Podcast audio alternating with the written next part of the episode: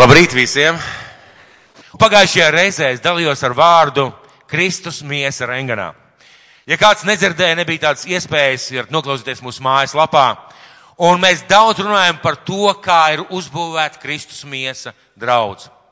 Kā, kā Dievs redz draudzi, Kristus miesu, viņš tā ir viņu veidojis, kā cilvēka ķermeni. Un tā ir Dieva doma, tā ir Dieva ideja, tas nav cilvēka doma. Un es gribu aicināt parādīt šeit šo slaidu.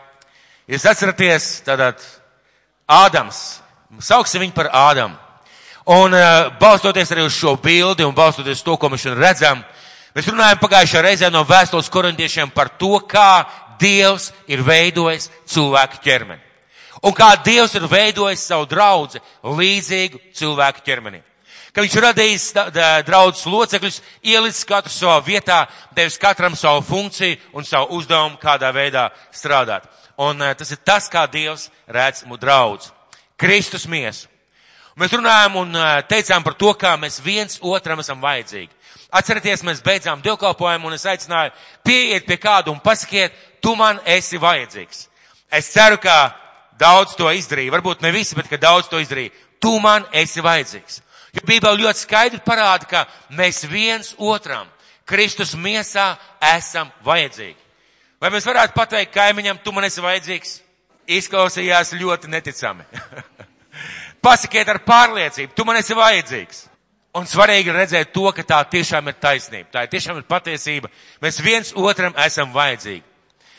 Un mēs runājam par to, ka tieši atrašanās pie miesas, tieši atrašanās miesā, ķermenī, loceklim dod dzīvību.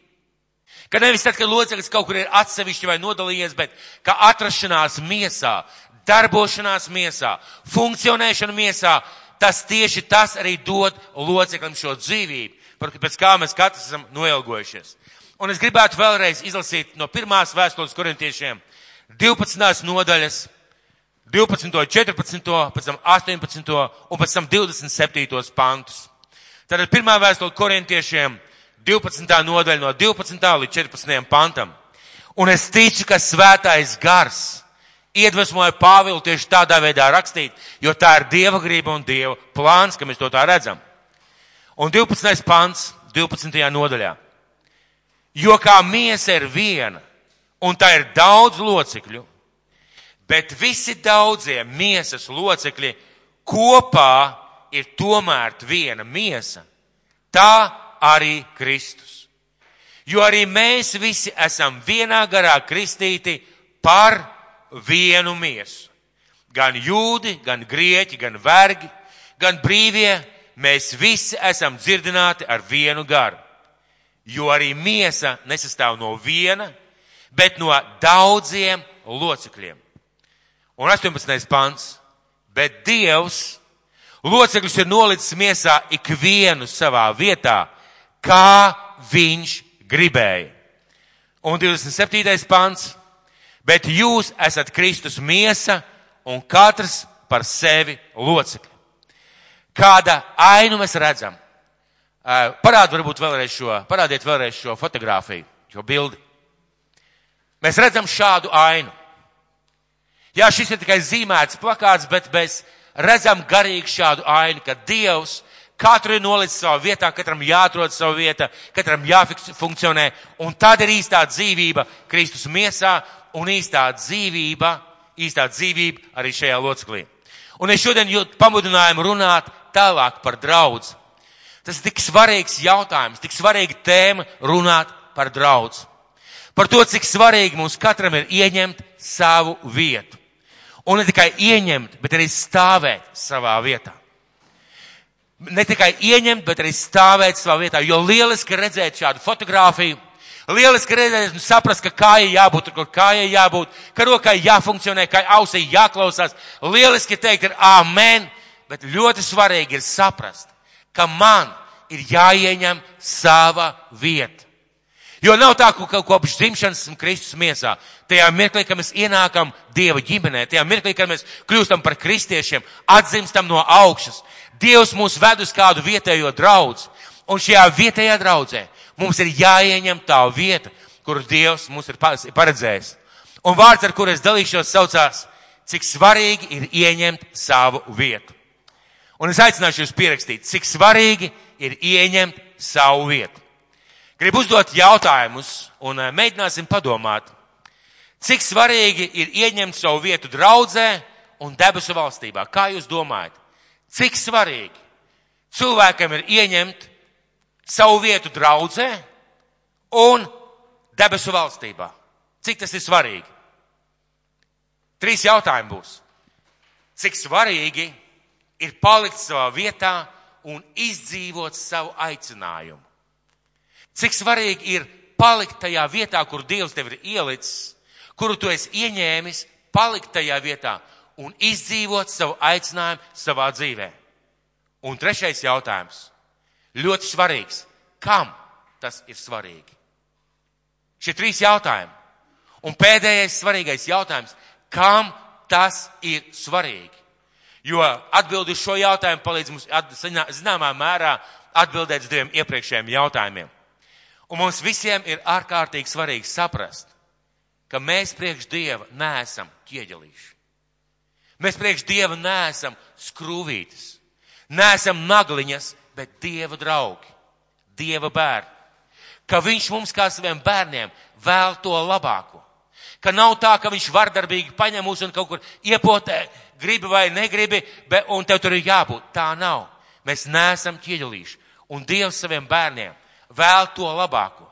Un viņš aizved tajā vietā un tajā laikā, viņš ļauj piedzimt tajā vietā un tajā laikā, kurā vietā tev ir jāizdzīvo savus aicinājumus un savu dāvanu. Tā saka Dieva vārds. Un Dieva vārds Bībeli. Tava mīļā grāmata runā un dod atbildi šo jautājumu, cik svarīgi ir ieņemt savu vietu. Un es gribētu jūs vest uz Eciķēļa grāmatu. Uz Eciķēļa grāmatu 22. nodaļa no 30. līdz 31. pantam. Lūdzu, atšķiriet savās bībelēs, savos telefonos, savās pierakstu kladēs, pierakstiet Eciķēļa grāmata, 22. nodaļa no 30. panta. No 30. panta un 31. pants. Bībele ir Dieva vārds. Un Dievs ar savu vārdu ir runājis, pateicis savas sajūtas, savas domas, un šis vārds ir mūžīgs, tas nemainās. Tas nemainās, tas ir aktuāls visās paudzēs un visos laikos. Un lūk, Eciķēlis svētā gar iedvesmots raksta šos vārdus un 22. Eh, nodaļa no 30. līdz 31. pantam. Es izlasīšu pa, priekšu un pēc tam mēs parunāsim par to. Es meklēju kādu vīru, kas atkal celtu mūri, kas stātos mūra plaisā manā priekšā, aizstāvēt zemi lai, lai es to neizpostītu. Bet es tādu neatradu. Tādēļ es izliešu pār tiem savu niknumu, es tos piebeigšu savā dusmu vēlē, viņu nodarījumus es viņiem, pret viņiem, vērsīšu pret viņiem pašiem, saka kungs Dievs. Es lasu speciāli no jaunā tulkojuma tāpēc, ka jaunais tulkojums labāk paskaidro. Vecais tulkojums zināmā mērā tā arī runā, līdzīgi runā, bet jaunais tulkojums ir tuvāks oriģinālam. Un lūk, Ecēlis uzrakst tādus vārdus, un es gribētu jums parādīt kādu teātri, jeb kādu nekanonisko līdzību. Kas ir plaisa? Dievs saka, es meklēju kādu vīru, kas atkal celtu mūri, kas stātos mūra plaisā. Mūra plaisa pēc definīcijas ir vieta, kas ir izplīsusi mūrī, ko Dievs ir uzbūvējis. Pēc definīcijas tā ir vieta, kurā ir problēma. Pēc definīcijas tā ir vieta, kur ir kāda vajadzība. Tā ir vieta, kur ienaidnieks laužās iekšā. Un Dievs saka, es meklēju kādu vīru, kas nostāsies plaisā. Un, lai mums būtu labāk saprotams, pieņemsim, ka šie krēsli ir siena. Ka šie krēsli ir siena. Un šeit šajā vietā ir plaisa. Un Dievs saka, es skatos no debesīm un meklēju kādu vīru vai sievu, kurš ko izdarīs? Kurš nostāsies plaisā, kurš aizpildīs to cauro vietu, kurš aizpildīs to vajadzību, kurš aizpildīs to vietu, kur laužās ienaidnieks. Tātad plaisa ir šaurā vieta, jeb vieta, kur ir kāda vajadzība. Un Dievs saka, es meklēju kādu, kas nostāsies, nevis nostāsies blakus, Nevis rādīs ar pirkstu, nevis bakstīs brālim, māsai vai, vai, vai Dievam teiks, Dievs, tu redz to plaisu aizpildi. Bet kas nostāsies plaisā? Nostāsies izveidojot no sevis mūri, jeb aizpildot ar sevi šo plaisu. Es meklēju kādu vīru, un tad šī vājā vieta, jeb šī plaisa ir, ir vieta, kur, kur ir vajadzība, vieta, kur ir vajadzīgs kāds, kas aizpilda, un vieta, kur lauzās iekšā pretinieks. 30, un eh, skatīsimies šo 30. pantu. Es meklēju kādu vīru. Es Dievs. Dievs nesaka meklējiet, viņš saka, es meklēju kādu vīru. Tad Dievs meklē kādu vīru vai sievu. Ne katru vīru vai sievu. Dievs meklē savu draugu. Jo Dievs šajā plaisā nevar palūgt iestāties savu pretinieku. Dievs šajā plaisā nevar palūgt iestāties kādu cilvēku, kurš ir vienkārši ieinteresēts Dieva valstībā. Viņš meklē savu bērnu, viņš meklē kādu draugu, un viņš, viņš skatās, kur ir kāds draugs, kur ir kāds cilvēks, kuris varētu lūgt iestāties šajā vietā. Kur ir kāds cilvēks, kas varētu būt šajā vietā. Daudz saka, esmu Dieva draugs, bet vai Dievs viņus atrod kā cilvēks, kur iestātos šajā vietā. Jo, ja cilvēks ir Dieva draugs, pirmkārt viņš dzirdēs, otrām kārtām viņš iestāsies tajā vietā, kur Dievs viņu aicina iestāties. Tad es meklēju kādu vīru, kas nostāsies, lasīsim varbūt vēlreiz, kas atkal, es meklēju kādu vīru, kas atkal celtu mūri, kas stātos mūru plaisā manā priekšā aizstāvēt zemi.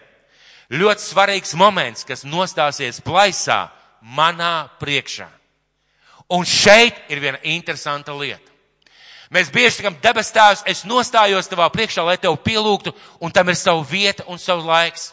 Bet Dievs saka, bet es meklēju kādu vīru, kas nostāsies plaisā manā priekšā. Tāpēc, mīļie draugi, kad mēs kaut ko darām Dieva valstībā, mēs pirmām kārtām darām debes tēvam. Mēs pirmām kārtām stāvam debesu tēva priekšā.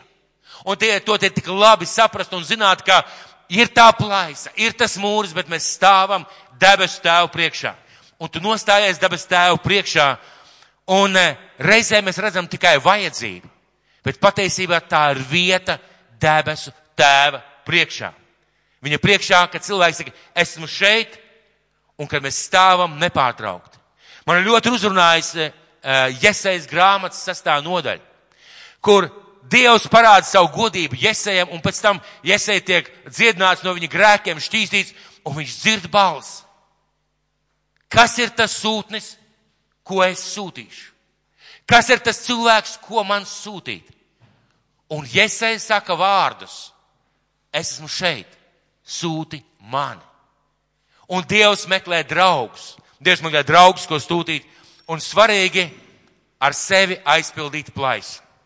Ļoti interesanti, ka mēs domājam par šo plaisu. Kad mēs domājam par šo plaisu, mēs domājam, ka nu, to plaisu vajadzētu aizpildīt. Bet ar ko viņu var aizpildīt? Var aizpildīt tikai ar sevi. Nevar aizpildīt ar brāļiem, ar māsām, nevar aizpildīt ar kādiem citiem cilvēkiem, jo tā plaisa ir plaisa, kurā tev ir jāstāv. Kurā katram cilvēkam ir jāstāv savā plaisā. To nevar aizpildīt ar citiem.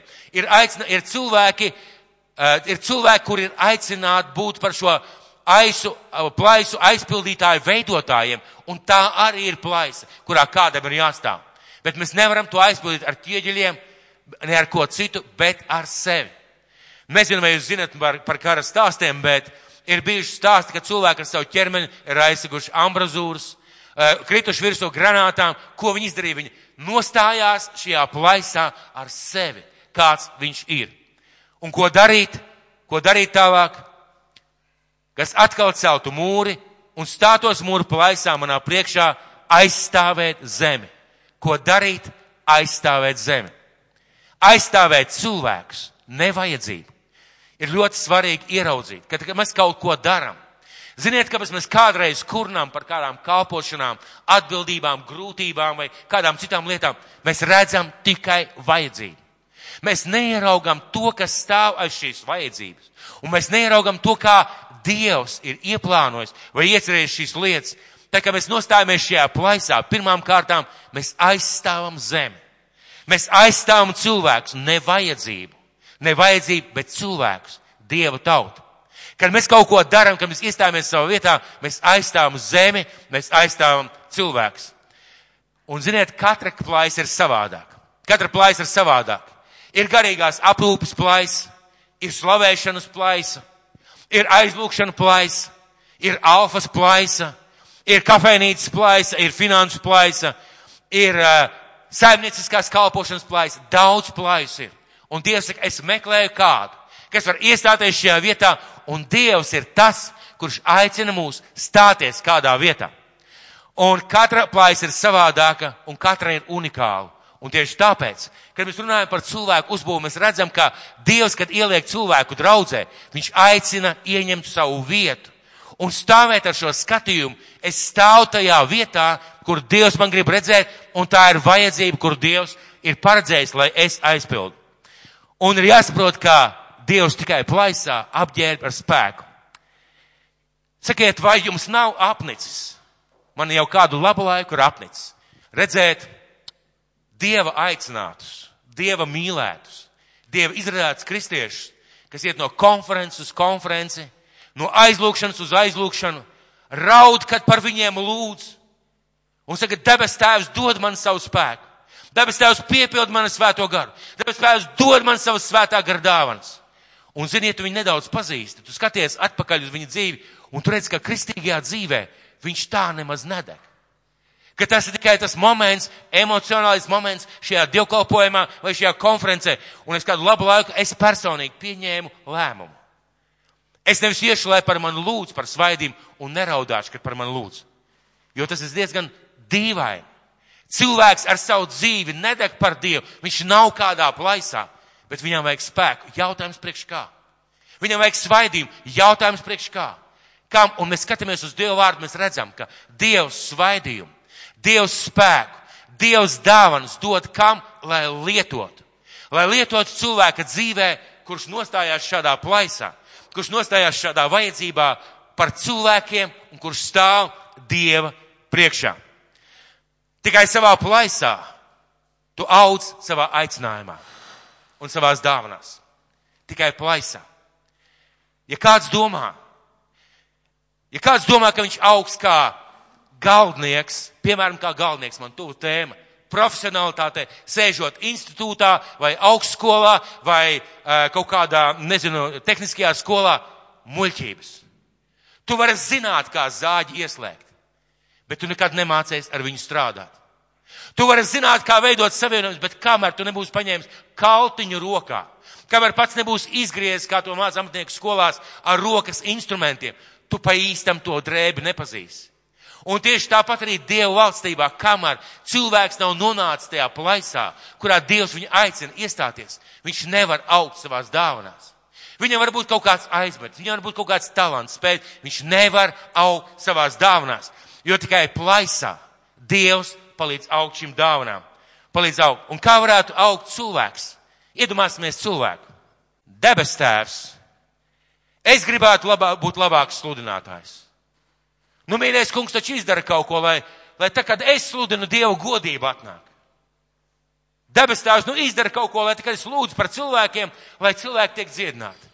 Nu, tāpēc tēvs, kad es vadu svētdienas skolu vai, vai kādu kalpošanu, vai kaut kas notiek, es šeit pasēdēšu un pagaidīšu.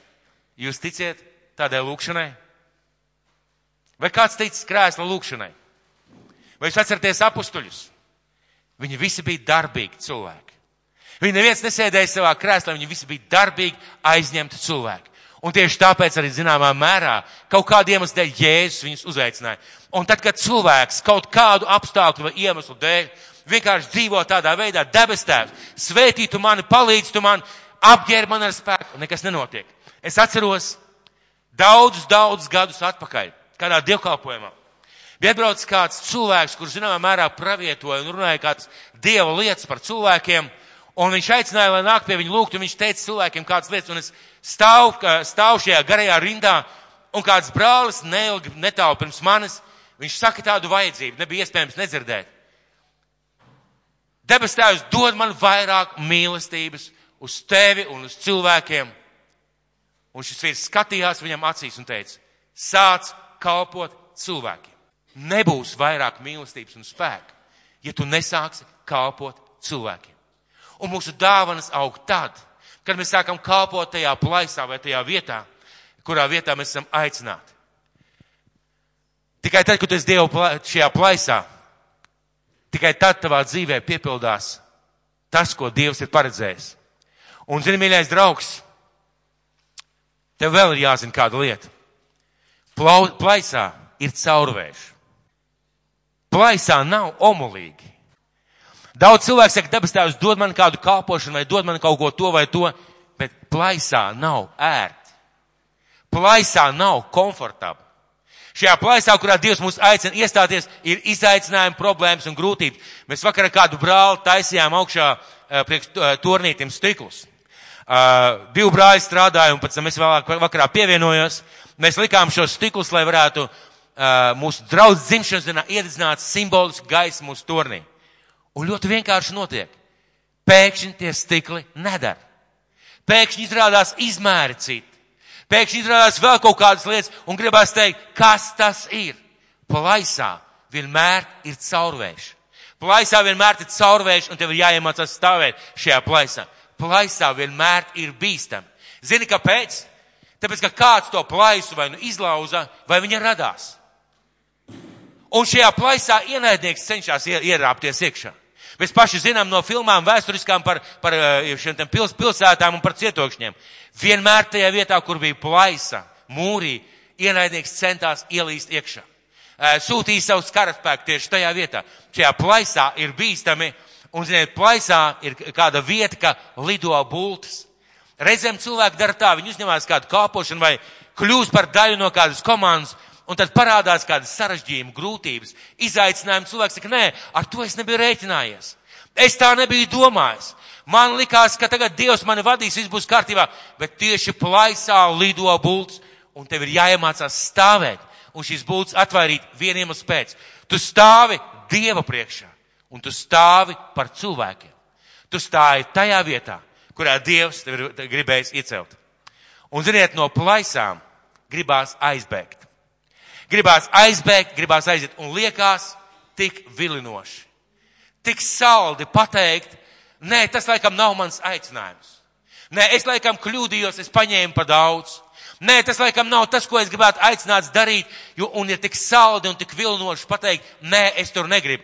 Kad es domāju par garīgiem cilvēkiem, kuri dara tādu lietu, tiešām dara tādu lietu. Esmu garīgs cilvēks, es lūdzu Dievu, es saņemu Dievu, man ir atklāsmes, šādas pārējās lietas. Un tad, ziniet, cilvēkam tā draudze, kurā viņš ir. Es nerunāju par reliģiskām draudzēm. Es runāju par dzīvām, normālām draudzēm. Un tad pēkšņi tā draudze izrādās ne tāda, kādu viņam būtu gribējies. Un tad viņš kā garīgais līderis, jeb garīgais gigants, dodās projām nezināmās tālēs. Jo šī draudz vairs neatbilst viņa prasībām un viņa garīgiem līmenim. Kad es skatos uz Kristu, kad es skatos uz Pāvilu, kad es skatos uz Pēteri, kuri tiešām bija garīgi, viņi nekur nelaidās un nekur nebēga. Viņi iestājās par tiem cilvēkiem. Par Pāvilu pat smējās un rakstīja un teica, kas tu tāds esi. Jā, no tāluma tavas vēstules ir ietekmīgas, bet, kad pats atnāc, tu esi galīgi nesvarīgs. Un Pāvils neuzmeta lūpu, viņš turpināja viņiem kalpot. Un jo cilvēks ir garīgāks, jo viņš stiprāk stāv šajā plaisā, jo viņš zina, kas viņu ir aicinājis un ko viņš aizstāv un ko viņš dara. Tātad plaisā ir vienkārši padoties un aiziet. Un liekas tik pareizi. Un ja es labi jūtos, vai tad tas nav pareizi? Un Bībele saka, ka nē. Ļoti bieži, kad cilvēks jūtās labi vai attaisno sevi, tā nav pareizā pozīcija. Bet mēs esam aicināti palikt. Tas ir vajadzīgs kam? Tas ir vajadzīgs Kristum, tas ir vajadzīgs mūsu tēvam un tas ir vajadzīgs svētiem garam un cilvēkiem, kas ir aiz tevis. Un pēdējais, esi tu pats. Jo, kad Dievs skatās, viņš grib redzēt tevi tajā plaisā. Un viņš skatās un viņš meklē. Un tikai plaisā, mīļie draugi, tā ir absolūta patiesība no Bībeles un no vēstures. Tikai plaisā cilvēks kļūst par varoni. Par Gideonu, par Mūzu, par Jozoā, tikai plaisā. Kad mēs padomājam par Dievu vīriem un sievām, Visi tie cilvēki, kuri minēti kā Dievu varoņi, viņi nonāk kādā situācijā, kur Dievs viņiem saka, uzņemies atbildību. Nostājies šajā plaisā. Un ka viņi nostājās šajā plaisā, iet cauri tām lietām, ko Dievs ļauj viņiem piedzīvot. Viņi kļūst par tiem, kuru vārdus mēs šodien pieminam. Tikai plaisā. No malas skatoties, tas nav iespējams. Tas nav iespējams, to nevar izdarīt. Un caur visu to mēs varam ieraudzīt kādu personību, par šiem plaisām runājot, kas iestājās plaisā. Un ziniet, kurš tas bija? Mūsu kungs Jēzus. Mēs nonākam pie tā, ka Jēzus ir mūsu paraugs, mēs esam viņa bērni. Un Jēzus bija tas, kurš atnāca no debesīm. Viņš iestājās šajā plaisā par cilvēkiem. Viņš paņēma cilvēku grēkus, viņš stāvēja šajā plaisā līdz pašām beigām, un tad viņš cēlās augšā. Viņš cēlās augšā, un šodien Bībelē saka, ka viņa priekšā klanīsies visi ceļi un visas mēlis atzīst viņu par kungu. Viena iemesla dēļ. Viņš nostājās šajā plaisā, un viņš palika šajā plaisā. Un ne tikai palika, viņš aizgāja līdz galam. Un, kad mēs lasām šo vietu, ka es meklēju kādu vīru, kas nostāsies plaisā, tas ir simbols par Kristu. Šie vārdi jau runā par Kristu.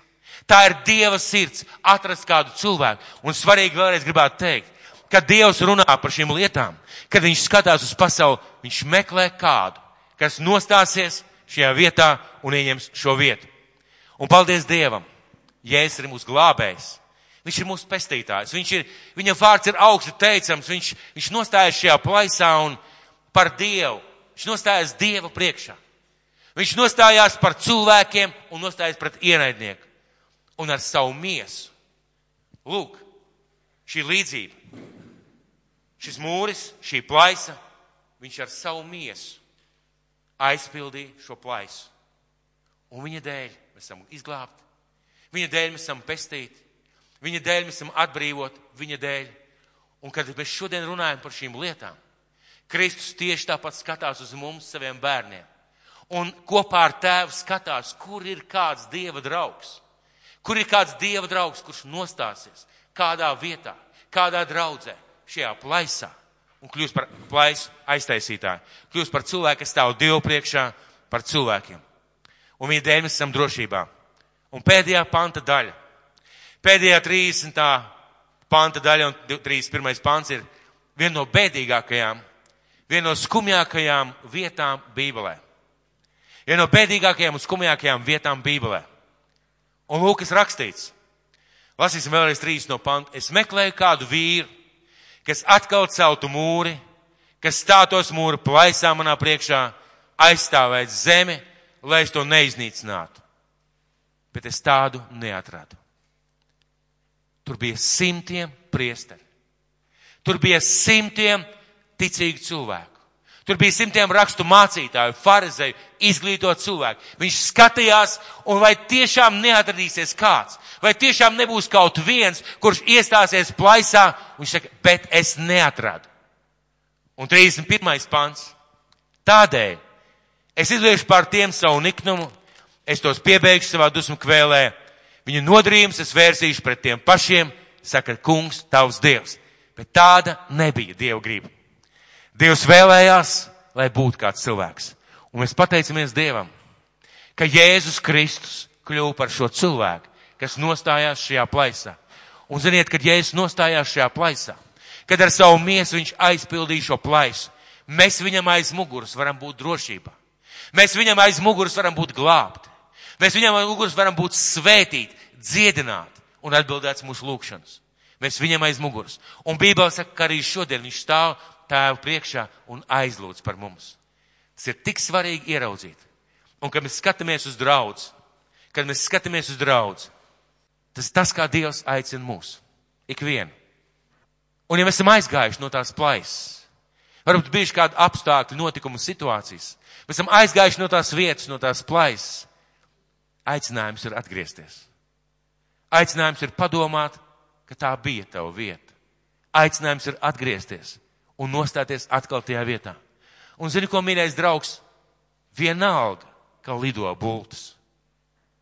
Vienalga, ka kaujas sirvi pāri galvai lido. Vienalga, ka tajā vietā ir caurvējš, Dievs tevi redz. Un Dievs dos tev spēku nostāvēt. Ir vajadzīga tavu vēlēšanās un tavu gribēšana būt tieši tajā vietā. Un nav taisnība, kā cilvēks saka, ka vienalga Dievs izdarīs savu, plā, savu gribu. Vienalga, kas notiks, Dievs vienalga vērsīs visu par labu. Mēs šajā vietā redzam, ka tā nav. Un debes Tēvs aicina, lai mēs kā mūsu kungs iestājamies kādā plaisā. Lai mēs ieņemam savu vietu. Lai mēs stāvam Tēva priekšā un aizpildām ar sevi šo plaisu. Tā ir Tēva sirds. Un plaisās stāv tikai Dieva draugi. Kas ir interesanta doma. Nevienā plaisā, šādā plaisā nav Dieva ienaidnieku, nav vienaldzīgo, nav sava labuma meklētāja, nav cilvēku, kuri domā par ērtu dzīvi. Visās plaisās vienmēr ir cilvēki, kuri ir Dieva draugi, kuriem Dievs var uzticēties. Un jautājums ir, vai domājat šajā gaismā vai šajā skatu punktā, vai es esmu Dieva draugs? Vienalga, ko es saku, vienalga, kā es dziedu. Vienalga, ko es apliecinu, vai es esmu kādā vietā, kā Dieva draugs. Iestājies kādā plaisā, Dieva priekšā. Par cilvēkiem, par zemi, par tiem, kas man ir uzticēti. Vai es esmu kādā vietā? Cik svarīgi ir ieņemt savu vietu? Savu vietu ieņemt ir bezgalīgi svarīgi. Un kam tas ir svarīgi? Pirmām kārtām mūsu debes tēvam. Pirmām kārtām Jēzum mūsu kungam. Pirmām kārtām mūsu debes tēvam ir svarīgi, ka mēs ieņemam savu vietu. Otrām kārtām tiem cilvēkiem, kas ir aiz mums. Tiem cilvēkiem, ka ja mēs aizpildam šo mūru, ienaidnieks netiek viņam virsū. Ienaidnieks nespēja viņiem iešaut tās bultas, tās bultas lido mūsos. Svarīgi ir tiem cilvēkiem. Un trešā lieta. Svarīgi ir mums. Es nākušajā svētdienā runāšu, man Dievs jau deva vārdu par neredzamo vēsturi par vēsturi, kuru mēs neredzam, bet kuru redz Dievs. Un kad tu stāvi šajā plaisā, kad esi tajā vietā, kur Dievs tevi aicinājis, kad esi tajā draudzē, kurā Dievs tevi ir izredzējis, kad esi uzņēmies atbildību vai būtu saimnieciskā kalpošanā, vai aizlūkšana kalpošanā, vai vadībā vienalga, kurā vietā. Nav augstāk un zemāk kalpošana. Kad tu stāvi tajā vietā, cik svarīgi ir, ka tu tur esi priekš tevis paši. Jo pienāks diena, ka tev būs tā vieta jāatstāj. Un cik skumīgi ir, ka tu skatīsies uz savu dzīvi un tu atcerēsies. Bija mirklis, kad Dievs man teica par to vietu, bet es nobijos. Man likās, es neesmu gatavs. Man likās, būs pa grūtu, būs pa smagu, būs pa sarežģītu. Un es paliku malā. Un pienāks diena, kad pirmām kārtām varbūt tā vieta jau būs aizpildīta. Un otrām kārtām Kā Salmans saka, ka pienāks diena, par kuru mēs nepriecājamies. Kad jau kā tur ir circenis jau pārāk skaļi dzied, ja? Un nastas par smagu, un solis jau daudz vieglāks, un tad paliks tikai sapņi par to, kas varēja būt, ja varēja būt. Un es tieši šādā gaismā gribu skatīties uz būšanu draudzē, uz kalpošanu draudzē. Un mēs brīnē brāļu māsam svētīti, izredzēti un aicināti, ieņemt savas vietas atrod šo vietu. Lūdz Dievam šo vietu. Iestājies šajā vietā. Un tieši šajā vietā viss, kas tev ir vajadzīgs, viss, ko tu savā dzīvē vari piedzīvot kopā ar Dievu, tieši šajā vietā tas notiks. Un ja Dievs gribēs tevi sūtīt citur, viņš to aizsūtīs, tu to sapratīsi. Bet ir jābūt katram savā vietā. Un te neiet runa par struktūru. Te neiet runa par draudzes uzbūvu, tie iet runa par ķermeni, par organismu, par Kristus miesu. Un Dievs saka, es skatos un es meklēju kādu, kurš iestāsies šajā plaisā. Dievu priekšā par tautu un par zemi. Tāpēc, mīļie draugi, tas ir ļoti svarīgi, ko mēs šodien runājam, jo tas attiecas uz draudz, uz Kristus miesu. Un uh, ir arī kādas laika plaisas. Ir plaisas, kas ir kādā konkrētā laikā. Un es gribētu jums palūgt, parādīt mūsu draudzes nākošās sestdienas pasākumu. Parādiet lūdzu šo plakātu. Draudzes nākošās sestdienas pasākums. Es Āgenskalns. Kamēr mums rādīs, es gribētu teikt, ir kādas laika plaisas, kuras ir kādā konkrētā laikā un konkrētā vietā. Kuras nebūs varbūt ilglaicīgas, bet kuras būs konkrētā vietā un konkrētā laikā. Un uh, ir tā, ka nākošu sestdienu un svētdienu mēs svinēsim draudzes dzimšanas dienu. Un lūk, mums šis te izaicinājums, pasākums, koncerts, sauciet kā gribiet, es Āgenskalns.